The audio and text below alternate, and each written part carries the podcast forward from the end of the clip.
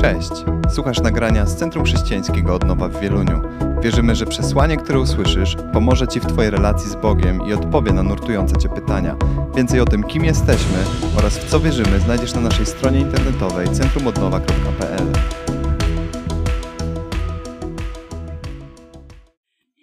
Marek wspomniał e, trochę wcześniej, na odprawie na e, naszym tutaj placu Legionów pojawił się wielki zielony królik i zając, królik, jakkolwiek coś co kica i, za, e, i stragany wielkanocne, a więc wiemy o tym, że nieuchronnie zbliżają się święta Wielkiej Nocy.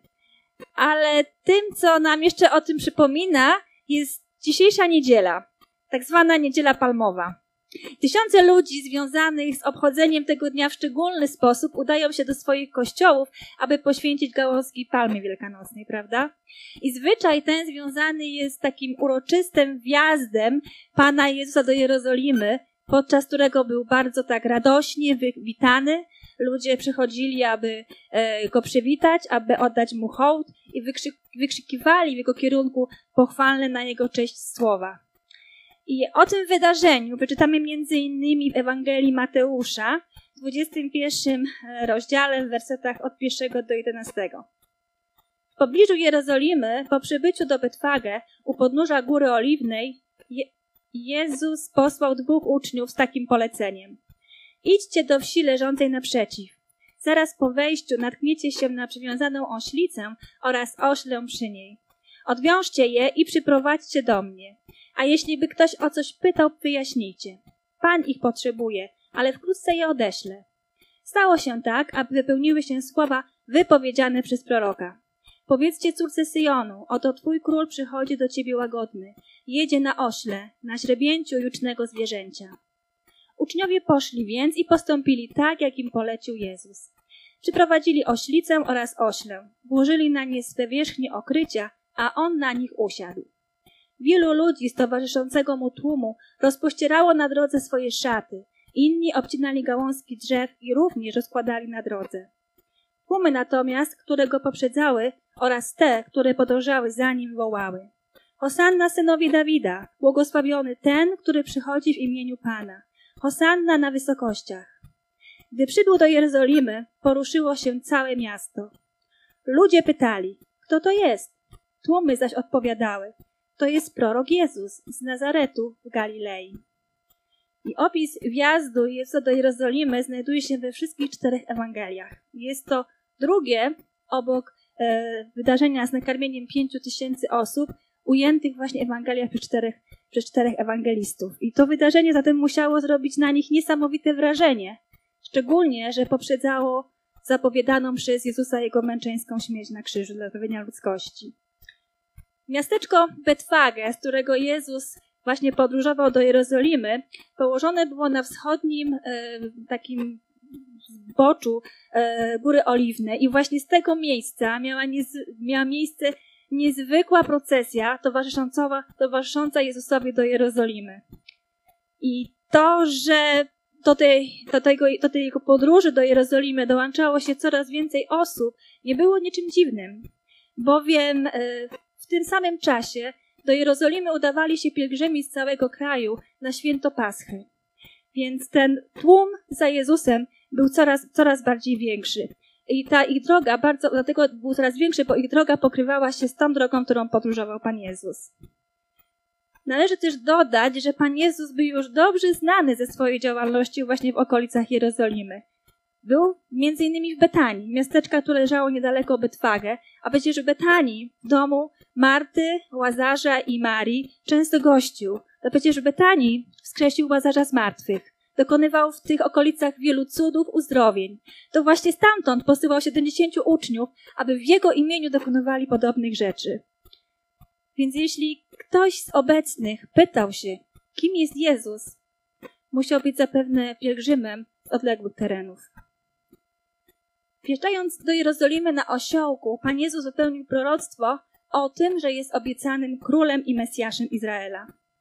I proroctwo to zapisane było w księdze Zachariasza, zatem Izraelici je dobrze znali. Dlatego też okrzyknęli Jezusa, Jezusa na osiołku swoim królem, którym pokładali tak wielkie nadzieje. Kiedy on wjechał do Jerozolimy, Całe miasto było poruszone, czytaliśmy. Ludzie byli zaciekawieni, wyczekiwali, któż to taki ważny wjechał do miasta, że takie tłumy go witają, że takie tłumy wykrzykują cześć na jego widok. I ten taki gest rozkładania płaszczy przed nim na jego drodze i gałązek było takim aktem uniżenia wobec jego królewskiej pozycji. I oba te gesty właśnie miały zarówno wymiar taki królewski, jak i polityczny. Innymi słowy, ludzie witali Jezusa jako króla wstępującego do świętego miasta. Ale czy rzeczywiście ludzie wiwatujący na cześć Jezusa właściwie rozumieli jego rolę jako Mesjasza? Nad tym zastanowimy się w punkcie pierwszym. Hosanna synowi Dawida. Tłum witający Jezusa wykrzykiwał: Hosanna synowi Dawida, błogosławiony ten, który przychodzi w imieniu Pana. Hosanna na wysokościach. Ewangelia Mateusza, 21 rozdział, werset 9. I słowo Hosanna wykrzykiwane przez ludzi rzeczywiście oznacza uwielbienie. Ale jest to uwielbienie szczególnego rodzaju, bowiem ono odnosi się do kogoś, kto ratuje, kto zachowuje, kto, kto ochrania, czyli innymi słowy do Zbawiciela. I słowo to, słowo Hosanna jest także używane w liturgii hebrajskiej jako takie wyrażenie, wykrzyknienie wręcz takiego błagalnego, um, takiej, takiej błagalnej prośby o Bożą pomoc od zachowania, od złych przeciwności. Dosłownie oznacza ono takie błagalne zbaw nas, uratuj nas, przynieś nam wolność. Zatem tłum, który wykrzykiwał Hosanna, wyrażał tym samym nadzieję, że Jezus przyszedł ich uwolnić. Przyszedł przynieść im wolność. Ale czy właściwie rozumieli, od czego Jezus przyszedł ich uwolnić? I tutaj należy wspomnieć, że w czasach, kiedy żył Pan Jezus, naród izraelski był pod okupacją Rzymian. I z historii, e, swojej historii narodu izraelskiego, oni wiedzieli, że zawsze, kiedy ich naród znajdował się pod jakąś okupacją, był w niewoli, że był ciemiężony, to Bóg zawsze posyłał im jakiegoś wybawiciela, bohatera, który poprowadzi ich do zwycięstwa nad wrogiem. Dlatego też Izraelici oczekiwali Mesjasza, który wyzwoli ich kraj spod okupacji Rzymu. Oczekiwali tak bardziej po, takiego przywódcy politycznego, który poprowadzi ich w buncie przeciwko Rzymowi. I niestety uwielbienie, jakim ludzie obdarzyli Jezusa, nie wynikało z tego, że widzieli w nim Zbawiciela, wybawcę od ich własnych grzechów, ale raczej Mesjasza od spraw doczesnych, który przyniesie im wolność i dobrobyt w kraju. Mesjasz, którym był Jezus, nie był tym samym, którego oczekiwali ludzie. Jezus wjechał do Jerozolimy na osiołku, a nie na bojowym rumaku, co symbolizowało, że przyszedł przynieść pokój, a nie przejąć władzę siłą.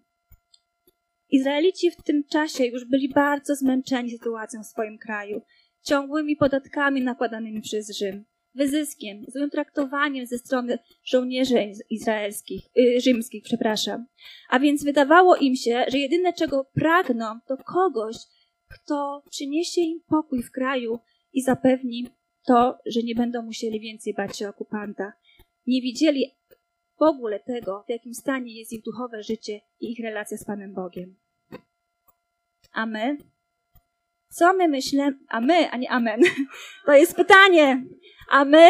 Co myślimy? Co mamy w sercach, kiedy wołamy Hosanna, Hosanna? Co dla nas oznacza, że Jezus jest Zbawicielem i Mesjaszem? Jakie oczekiwania względem Niego nosimy w naszych sercach, kiedy rozkładamy przed Nim nasze płaszcze i gałązki palmowe? Co, mu, co myślimy, kiedy wołamy do Niego, uwolnij nas, zbaw nas? I zapewne każdy z nas doświadczył Bożego działania w swoim życiu, albo słyszał o takim działaniu w życiu innych ludzi. Amen, tak jest. Możemy też o tym słyszeć każdego, każdej niedzieli, tak jak dzisiaj, kiedy czytane są kartki dziękuję, prawda? Bóg działa, a my tego doświadczamy. Ale czy rzeczywiście nasze wyobrażenie o tym, kim jest Jezus w naszym życiu, właściwie rozumiemy? Dlaczego tłum poszedł tak chętnie do Jerozolimy za Jezusem? Odpowiedź jest bardzo prosta. Oczekiwali rewolucji. Oczekiwali tego, że Jezus przyjmie władzę i zakończą się ich problemy z Rzymem, z Rzymianami. I my też bardzo często idziemy za Jezusem, bo oczekujemy, że skończą się nasze problemy, że Jezus będzie tym, który rozwiązuje wszystkie nasze problemy. Rozprawi się z tymi, którzy nas nie lubią, może nam dokuczają, krzywdzą czy prześladują. Rozprawi się z wszystkimi naszymi zobowiązaniami. I oczywiście Jezus pomaga nam każdego dnia i chce to robić, aby nasze życie było lepsze, bo chce, żebyśmy żyli w sposób godny i spełniony, ale czasami nie pokrywa się to z tym, czego my oczekujemy i chcemy, żeby Bóg działał według naszych schematów. Idziemy za Jezusem, bo widzimy w nim tego, który zrobi właśnie ten przewrót i znikną wszystkie nasze doczesne problemy, które niestety są często konsekwencją naszych złych decyzji i naszych złych wyborów.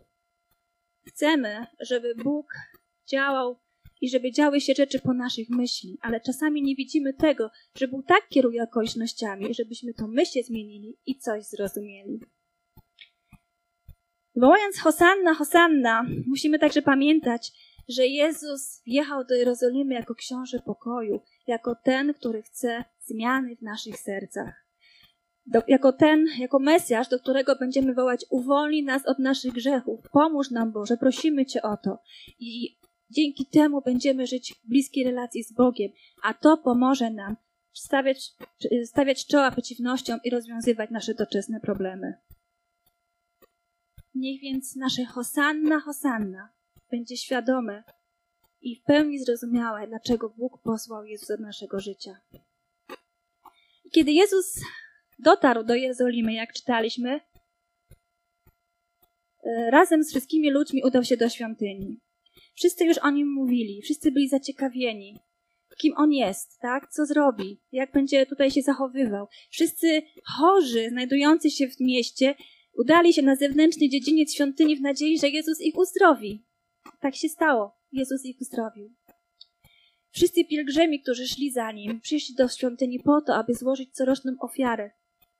Ale kiedy Pan Jezus tam wszedł, to, co zastał, nie spodobało mu się. I czytamy o tym w Ewangelii Mateusza, 21 rozdziale, w wersetach 12-17. Jezus natomiast wszedł do świątyni i wyrzucił wszystkich, którzy tam sprzedawali lub kupowali. Poprzewracał stoły wymieniających pieniądze oraz stragany sprzedawców gołębi. Mówił przy tym: Napisano: Mój dom będzie nazwany domem modlitwy, a wy zrobiliście z niego jaskinię zdzierców. W świątyni zbliżyli się do niego niewidomi i kulejący, a on ich uzdrowił. A arcykapłani oraz znawcy prawa oburzali się na widok niezwykłych rzeczy, które Jezus czynił, oraz dzieci, które wołały w świątyni Hosanna synowi Dawida. Czy słyszysz, co one mówią? pytali. Tak, odpowiedział. Czy nigdy nie czytaliście z ust niemowląt i osesków odebrałeś sobie chwałę? Potem pozostawił ich, wyszedł z miasta, e, wyszedł z miasta do Betanii i tam zanocował. Zachowanie Jezusa musiało nieźle zdziwić obecnych tam ludzi. Najpierw wjeżdża do Jerozolimy jako król, hucznie i radośnie witany, za chwilę robi zamieszanie świątyni, rozwalając stoiska kupców i sprzedawców. Potem, jak gdyby nigdy nic, uzdrawia chorych, i przyjmuje chwałę od dzieci. Co ciekawe, że największe zdziwienie dotyczyło znawców prawa i arcykapłanów, którzy przecież oni powinni wiedzieć, do czego służy świątynia. I ci, którzy, jak e, mówiłam wcześniej, nieśli swoje gałązki i szli za Jezusem, udali się razem z nim do świątyni. I tak właśnie powinno być, że kiedy decydujemy się zawołać do Jezusa, prosić Go o pomoc, to kolejnym krokiem w podążaniu za Nim powinna być nasza obecność w Kościele. I kiedy Jezus dotarł do świątyni, pokazał idącemu za nim tłumowi, że świątynia jest miejscem, które powinno być szczególnie ważnym w życiu wierzącego i w którym każdy z nas może doświadczyć Bożej obecności. To pokazuje nam także, że kiedy wołamy Hosanna, Hosanna, to musimy wiedzieć, co jest ważne dla Jezusa i co tym samym powinno być ważne dla nas. Pan Jezus bardzo dbał o świątynię, o to, żeby oddawana tam cześć Bogu była robiona należycie, w sposób godny i z właściwych pobudek. Że nie ma tam miejsca na chciwość, na obłudę, niemoralność. Pokazuje to tym samym także nam, że, kiedy, że takie rzeczy nie powinny mieć miejsca w naszym życiu, kiedy utożsamiamy się z Panem Jezusem.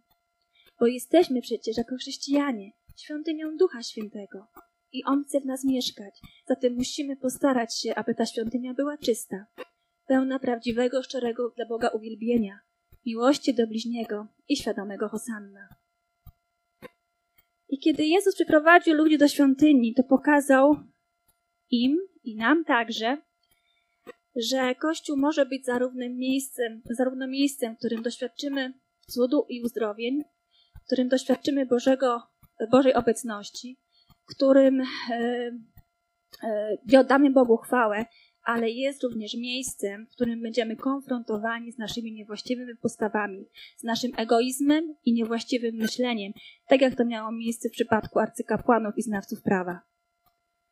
Kiedy decydujemy się być częścią Kościoła, to tym samym musimy pozwolić Jezusowi, aby zrobił porządek w świątyni naszego serca. Musimy powiedzieć Bogu tak, na to, aby właściwie nastawił nasze serce na rozumienie Boga i Jego Królestwa. Niech więc nasze hosanna wybrzmiewa w Kościele równie mocno, jak podczas pierwszego spotkania z Jezusem.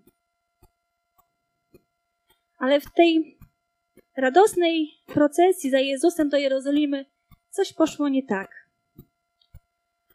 Coś poszło nie tak i ludzie w pewnym momencie odwrócili się do niego, od Niego. To jest punkt trzeci. Ukrzyżuj Go. I czasami bywa tak, że nasze oczekiwania względem naszego życia z Jezusem przynoszą rozczarowania. Dzieje się tak, kiedy najczęściej, kiedy w naszych sercach mamy niewłaściwe wyobrażenie na temat Boga. Kiedy nie pozwalamy Mu rozprawiać się z naszą pychą i wciąż myślimy, że Jezus jest tym, który ma spełniać nasze zachcianki. I dzieje się też tak, gdy nie przyjmujemy do naszego życia okoliczności, które mają nas kształtować i wzmagać naszą wiarę. Naszą wiarę. I kiedy nagle okazuje się, że Jezus nie jest tym, który miał nam zagwarantować miłe i przyjemne życie, a w zamian tego wymaga, abyśmy porzucili naszą strefę komfortu, coś poświęcili, bardziej się zaangażowali, to wtedy zaczynamy nagle zachowywać się jak tłum, który stanął przed Piłatem, który odrzucił Chrystusa, ponieważ nie spełnił jego oczekiwań. Ewangelia Marka, 15 rozdział, wersety 6-15.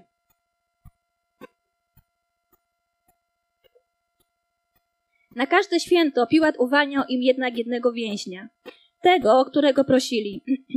w tym czasie więziono niejakiego Barabasza.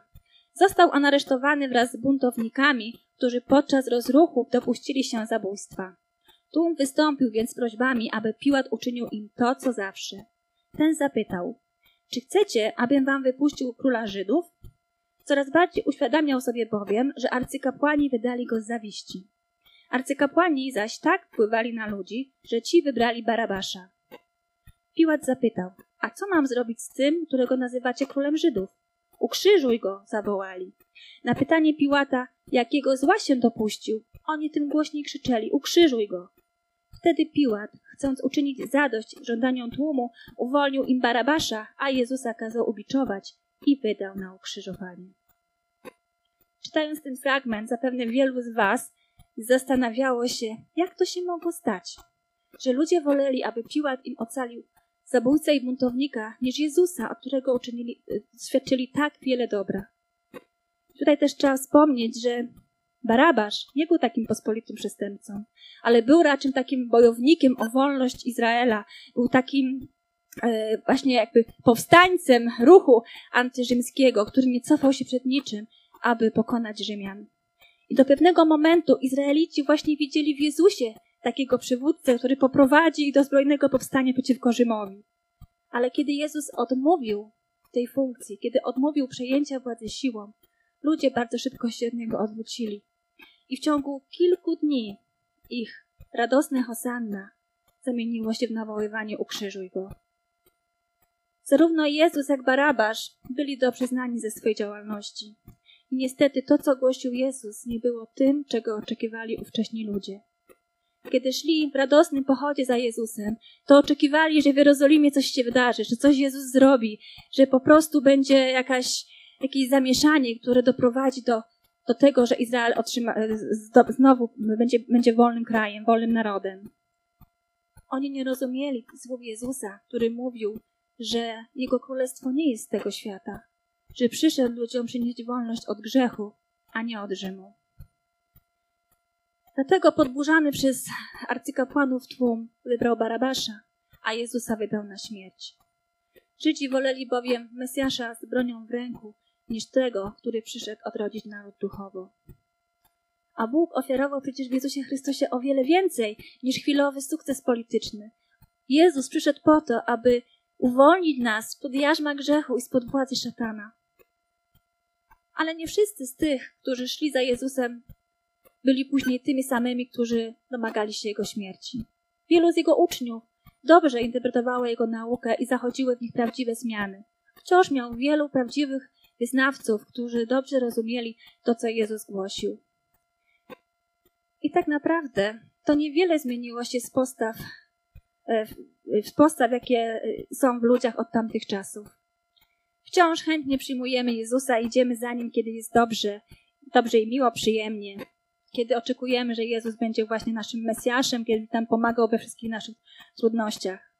Ale kiedy pojawiają się problemy i Jezus okazuje się jednak nie być tym dżinem ulepszającym nasze życie, to jakże często wtedy zachowujemy się jak ten tłum i razem z nim potrafimy ukrzyczeć nawet ukrzyżuj go. I dzieje się tak wtedy, kiedy rozmyślnie grzeszymy, kiedy zapieramy się Jezusa i Jego nauk, kiedy odrzucamy Jego drogę, kiedy naszym postępowaniem zasmucamy Ducha Świętego.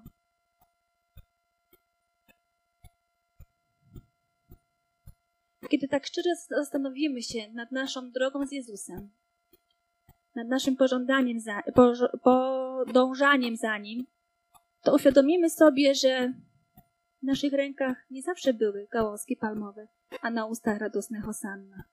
Czasami były takie sytuacje, takie chwile, kiedy woleliśmy być Barabasza, bo okazało się, że inaczej wyobrażaliśmy sobie panowanie Jezusa jako króla w naszym życiu. I takie chwile przychodzą najczęściej wtedy, kiedy pojawiają się trudne sytuacje, kiedy pojawiają się takie sytuacje, w których nie rozumiemy, dlaczego Bóg nie zainterweniował ponadnaturalnie w danych okolicznościach. I zmagamy się z takimi myślami. Czujemy się wtedy rozczarowani Bogiem i Jego działaniem w naszym życiu. Dlatego, kochani, musimy dołożyć wszelkich starań, aby nasza relacja z Panem Bogiem była silna, głęboka i niezachwiana. Żeby żadne okoliczności nie zburzyły tej naszej budowanej wiary i żebyśmy sami nie odpadli od Bożej łaski. Jest to, Boże, jest to bowiem możliwe wtedy, kiedy stajemy się duchowo obojętni, kiedy stajemy się oporni wobec słów Chrystusa i Jego nauki, wobec Słowa Bożego. Staje, dzieje się to również wtedy, kiedy bardziej pociąga nas grzech niż wartości Bożego Królestwa. Kiedy zagłuszamy w sobie ten delikatny głos Ducha Świętego, który napomina nas, żebyśmy nie traktowali Bożego Słowa tak lekko, ale żebyśmy zaczęli żyć z Bogiem na 100%. A więc musimy pilnować naszych serc i dbać o duchowy rozwój, abyśmy nie stali się tymi, którzy potwórnie krzyżują Syna Bożego. Tak jak to jest napisane w liście do Hebrajczyków w szóstym rozdziale w wersetach 4-6. Nie da się bowiem raz oświeconych, którzy ponadto posmakowali niemieckiego daru i którym dano stać się uczestnikami Ducha Świętego, którzy zakosztowali wspaniałości Słowa Bożego oraz mocy przyszłego wieku, a którzy odpadli, ponownie doprowadzić do opamiętania, gdyż oni sami sobie krzyżują Syna Bożego i wystawiają go na publiczną zniewagę. Mocny fragment, prawda? I słowa tych wersetów pomogły mi po nawróceniu rozstać się z wieloma niewłaściwymi rzeczami w moim życiu. Zwłaszcza z nałogiem palenia papierosów. Bo kiedy przechodziła ochota, że chcę zapalić, to Duch Święty starczywie przypominał mi te słowa. I ja wiedziałam, że nie mogę tego zrobić bo gdybym zapaliła, to tak samo, jakbym wzięła tymi papierosami, ponownie przybijała Chrystusa do krzyża. Doświadczyłam przecież zbawczej mocy Chrystusa, tego, że uwolnił mnie od moich grzechów, od mojego życia w grzechu, więc nie mogę teraz pozwolić, aby to stracić. Nie można żyć z Bogiem na półgwistka i balansować między grzechem a świętością, bo takie postępowanie w konsekwencji doprowadzi do upadku i zatracenia zbawczej relacji z Jezusem. Jestem też przekonana, że nikt z nas tego nie chce. I żeby tak się nie stało, to co jakiś czas musimy sobie zadawać konfrontujące pytania. I myślę, że ten czas przed świętami Wielkiej Nocy jest dlatego dobrą okazją, aby też duchowo przygotować się do tego święta. Zastanówmy się zatem, co trzymamy w naszych rękach. Gałązki palmowe czy gwoździe? Co mamy w naszych sercach? Radosne hosanna czy rozczarowane ukrzyżuj go. Czy Jezus rzeczywiście jest naszym królem i czy właściwie rozumiemy Jego rolę jako Mesjasza w naszym życiu? To są trudne pytania, ale zanim zaczniemy się na nich zastanawiać, zanim znajdziemy na nie odpowiedź na, y, y, i skonfrontujemy się z tą odpowiedzią, to chciałabym, żebyśmy się pomodlili, aby Duch Święty nas prowadził w tych rozmyślaniach. Powstańmy, proszę. Duchu Święty, tak przychodzimy do Ciebie. Chcemy Ciebie prosić, abyś nas prowadził, Boże, w takim może rachunku sumienia naszego życia, Panie, naszej relacji z Tobą. Nie chcemy być tymi, którzy trochę żyją z Tobą, a trochę żyją w zgodzie z tym, co świat oferuje. Ale chcemy żyć z Tobą na 100%. Chcemy poważnie traktować Twoje przykazania i Twoje słowo, to, czym napominasz nas. Prosimy Cię, Duchu Święty, abyś nas, nas, nas oświecał, abyś nas prowadził, Boże, w tych naszych rozmyślaniach, Panie, na temat naszego życia z Tobą. Abyś pokazywał nam te wszystkie rzeczy, z którymi musimy się rozprawić, które musimy zostawić, Panie, z którymi musimy się pożegnać, abyś, Boże, abyśmy byli z Tobą naprawdę na poważnie. Prosimy Cię, Jezu, też, abyś sprzątał świątynię naszego serca, Panie, aby nie było tam żadnej chciwości, Panie, żadnej obłudy, niemoralności, niczego, Boże, z czym Ty się nie zgadzasz. Chcemy się z Tobą utożsamiać każdego dnia i chcemy, Panie Boże, nieść Tobie, nieść Ciebie innym ludziom, Panie. Prosimy Cię, Boże, przez ten wielki tydzień, Panie, i przez ten, y, w ciągu tego tygodnia, kiedy też będziemy wspominać to, co Ty zrobiłeś dla nas na krzyżu, żeby to było dla nas ważne, żebyśmy poważnie traktowali to, kiedy wołamy do Ciebie, pomóż nam. Prosimy Cię, Jezu, rozpraw się z każdym naszym niewłaściwym postępowaniem, z każdym naszym grzechem. Uwolnij nas i przywróć nam, Panie, tą radość z Twojego wybawienia. Amen. Dziękujemy, że byłeś z nami. Wierzymy, że przesłanie, które usłyszałeś, zachęca Cię do bliższej relacji z Bogiem oraz poznania nas osobiście. Zapraszamy Cię do odsłuchania kolejnych nagrań, a także skorzystania z naszej strony internetowej centrumodnowa.pl.